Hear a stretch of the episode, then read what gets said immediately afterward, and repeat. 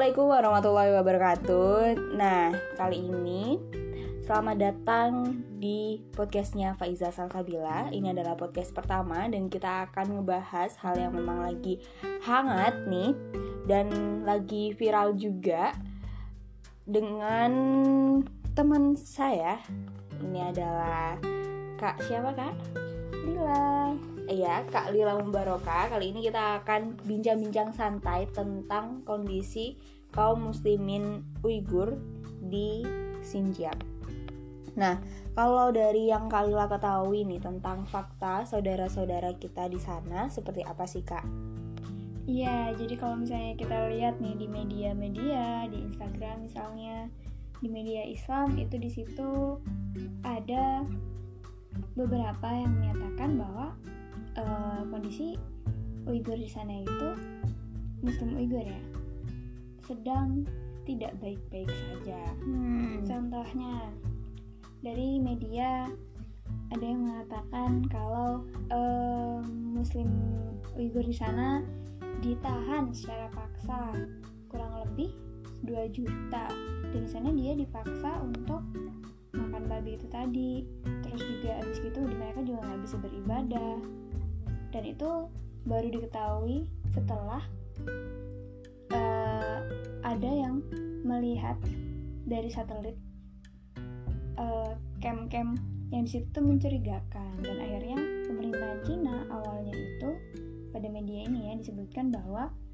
mereka bilang itu adalah sebuah ini pendidikan untuk mendidik umat Cina yang itu butuh dididik hmm. seperti.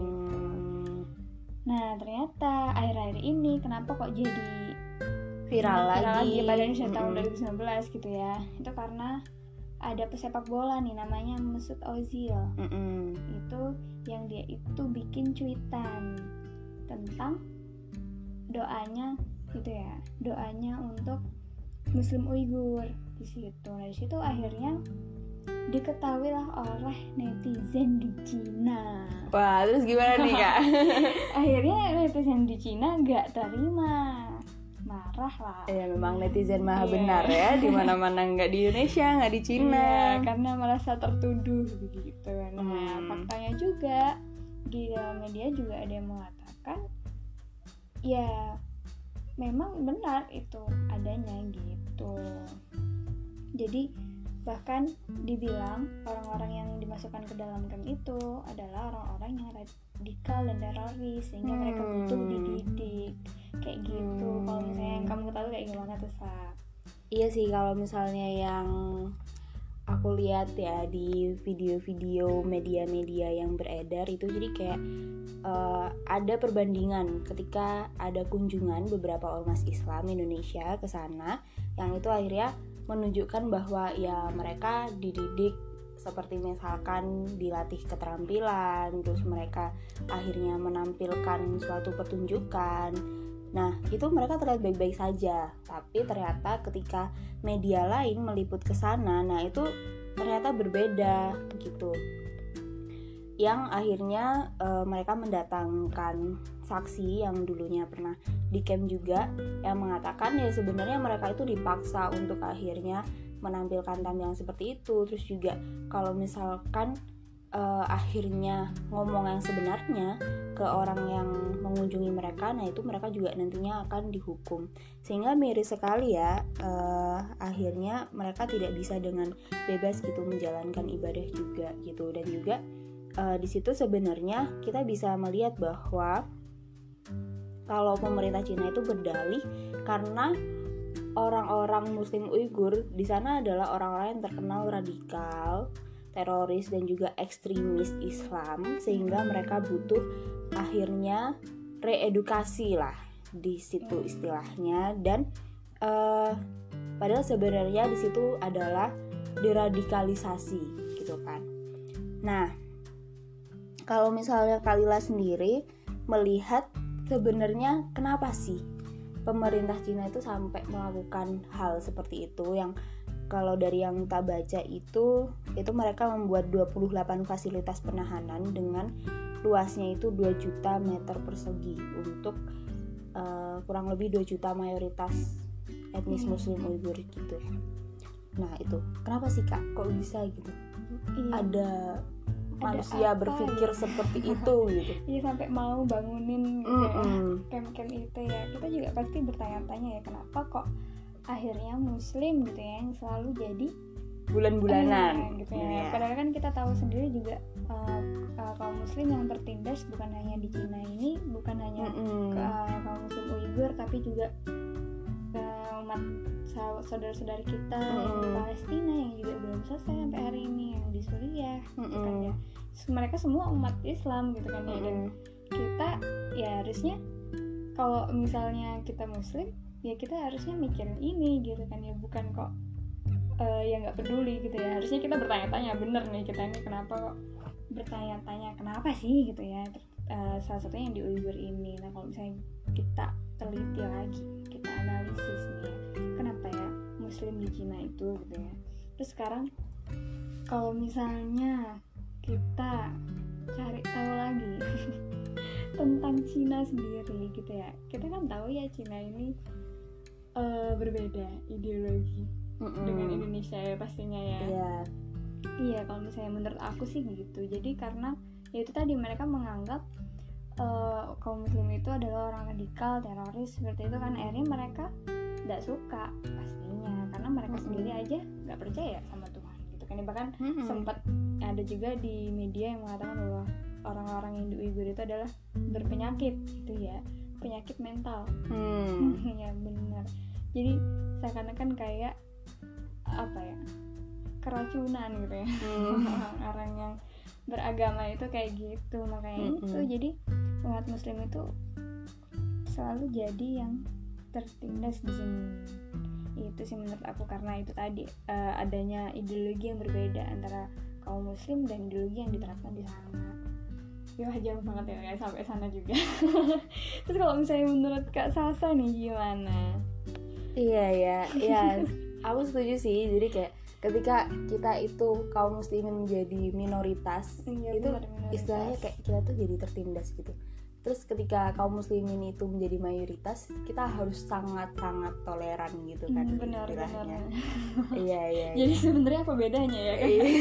Padahal sebenarnya ya kaum muslimin itu nggak diajari toleran pun ya kita sudah toleran Hmm, gitu kan. benar nih sudah ada aturannya gitu Iya, eh, sudah ada aturannya di dalam Islam gitu. Nah, kalau menurutku karena memang akhirnya selain ideologi pemerintah Cina ini adalah komunis yang memang meniadakan Tuhan, mereka nggak percaya adanya agama karena asasnya juga mereka materi. Nah, itu eh, selain itu juga kenapa sih kok keseluruhan pemimpin di negeri-negeri kaum muslimin itu akhirnya diem gitu sampai akhirnya kan kita bertanya-tanya ya kok malah yang menyuarakan itu seorang pemain sepak bola Hmm, gitu kan. Padahal cuma pemain gitu ya. Ya, bukan bola cuma gitu, juga bukan sih. Ya, itu sepak bukan- bola dunia yang akhirnya ya dari cuitan itu akhirnya berpengaruh juga kan. Cuman akhirnya ya harusnya eh, penguasa yang lebih punya kuasa itu harusnya mereka tergerak lah gitu kan. Karena mereka juga punya kuasa yang akhirnya bisa digunakan gitu. Setidaknya mengecam lah setidaknya. Hmm, tapi ini tuh diem-diem baik. Gitu baik. Iya yang akhirnya kita mikir juga ya kenapa ya kok kayak gitu gitu kan. Nah terus kalau misalnya dipikir-pikir lagi eh, itu juga ada efeknya sih karena memang kita sekarang itu tersekat oleh sekat-sekat negara nation state di mana ya akhirnya setiap negara itu tidak bisa untuk terlalu ikut campur terhadap urusan negara. internal negara lain gitu kan. Yang akhirnya ya ya apalagi kalau misalkan Cina ini menanamkan investasi yang sangat besar di negara Indonesia, tersebut ya, in Cina ya. Iya Indonesia made in China oke. Oke. iya itu ya. Nah apalagi juga in- eh, Cina ini yang mempersiapkan diri notabene-nya untuk menjadi eh, salah satu dari negara adidaya juga yang juga bikin akan membuat One Belt One Road atau obor itu ya. Nah kalau teman-teman ada yang belum tahu tentang obor, bisalah di search search gitu ya. Di browsing browsing. biar nggak cuma rebahan Oh iya, sobat ambiar. iya bener-bener nih Iya biar liburan kita tuh faedah iya ya. betul deh Eh, ini malah ngomongin sobat ambiar. oke lanjut Oke, kita lanjut ya. Sampai tadi sekat-sekat negara. Nah, eh, akhirnya kalau misalnya kita udah ngomongin tentang fakta etnis di Muslim Uighur di sana, terus kita juga udah ngomongin deradikalisasi tadi, terus juga kita udah ngomongin sekat-sekat negara. Nah, terus kalau menurut Kalila nih, apa sih solusinya sebenarnya?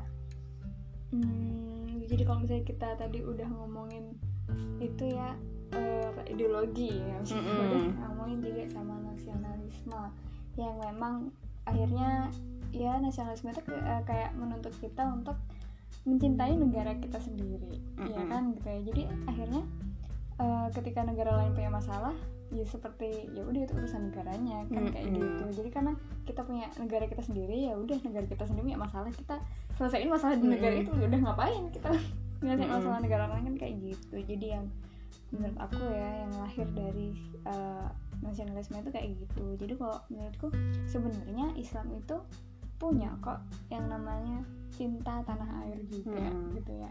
Ya ada yang namanya cinta tanah air dan juga kita juga uh, harus memikirkan saudara kita juga. Ya, nah sementara kan eh, tidak hanya di tanah air kita sendiri gitu ya. Kaum muslim itu berada gitu ya. Ada di negara lain juga gitu ya. Ada Iya. di berbagai belahan dunia gitu kan ya. Dan akhirnya kita nggak bisa kalau misalnya mengurus kaum muslim yang ada di negara kita sendiri Iya. kan kayak gitu Mm-mm. akhirnya kita ini sebenarnya butuh kaum muslim ini bersatu Sa. Hmm. Nah, kayak pekerjaan ya emang kalau dipikir kayak emang bisa gitu kan ya. Tapi bisa nggak sih menurut kamu gitu kaum muslim ini bersatu?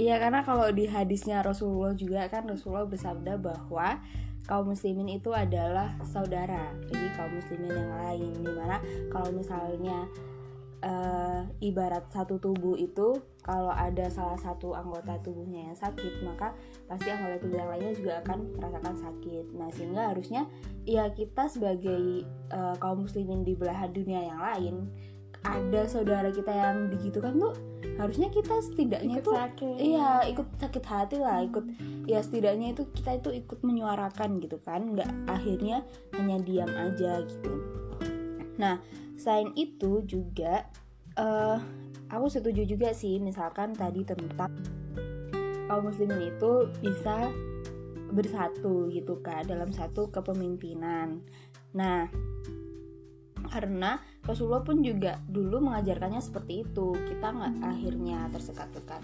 Dalam bingkai negara yang akhirnya ya udah negara ini eh, mikirin urusannya dia sendiri negara yang lain ngurusin mikirnya sendiri gitu kan. Karena ya kaum muslimin itu ada di seluruh dunia Hmm. gitu kan yang harusnya mereka itu bersatu gitu kan. Nah sehingga ya memang kita di sini perlu untuk akhirnya berada di garda terdepan menyuarakan tentang persatuan umat Islam itu. Nah, sampai akhirnya nanti eh, ketika kaum muslimin itu sa- sudah sadar semuanya, maka ya kaum muslimin akan berada lagi nih dalam satu kepemimpinan yang akhirnya menerapkan syariat Islam itu secara menyeluruh. Di mana ya otomatis ketika Islam itu dapat diterapkan secara menyeluruh, nanti akhirnya akan menjadikan ya Islam rahmatan lil alamin yang sesungguhnya gitu ya. Yang akhirnya ya Islam tuh akhirnya tidak dipandang sebagai misalkan kalau sekarang ya di framing apa nih kak? Islam Apa sekarang ya? di framing apa? Islam radikal. Heeh, radikal. Nah, ekstrim, radikal tuh padahal ekstrim. apa kak? Ramah, didik, berakal. Oh gitu ya. Iya, iya, ya, berarti orang itu nggak ngerti kali ya. Artinya radikal sendiri enggak, apa? enggak. Ya mungkin lain kali kita akan ngebahas tentang radikal, ini kali ya Iya, lebih karena dalam. panjang memang Iya. pembahasannya. iya emang bahasan sendiri sih radikal ini gitu jadi ininya gitu ya teman-teman di mana eh sebenarnya karena masalah ini memang eh, agak pelik juga yang ya kita tetap harus berada di garda terdepan yang akhirnya menyuarakan tentang persatuan umat itu gitu. Selain itu juga kita perlu untuk akhirnya tetap mengkaji Islam lebih dalam dan apa ini kak? Setelah mengkaji Islam? Kemudian menyuarakan. Iya, jangan lupa. Gitu. Semakin berisik tentang kondisi umat Islam hari ini. Iya, berisiknya untuk kebaikan dan kebangkitan Islam. Oke, eh, ternyata udah lumayan panjang ya kita Iya. podcastnya. Terima kasih yang sudah mendengarkan sampai sini. Dan mohon maaf jika ada salah Ambiaran. keambiaran, salah kata maupun salah perbuatan. Karena kalau misalnya kebenaran itu datangnya dari Allah dan kesalahan itu dari kita sendiri dan kalau kebenaran itu karena datangnya dari Allah maka jangan ragu untuk mengambilnya. Oke, eh, Kalila ada salam perpisahan ya udah sih. Jadi ya terima kasih juga nih sama teman-teman yang ya ini first episode ya. Kita pertama kali bikin podcastnya. Semoga berfaedah. Iya, semoga berfaedah. semoga dan untuk teman-teman semua juga. Jadi tetap terusin semoga kita bisa istiqomah. Dalam membersihkan. Gitu. Ya, syukron. Wassalamualaikum warahmatullahi wabarakatuh. Waalaikumsalam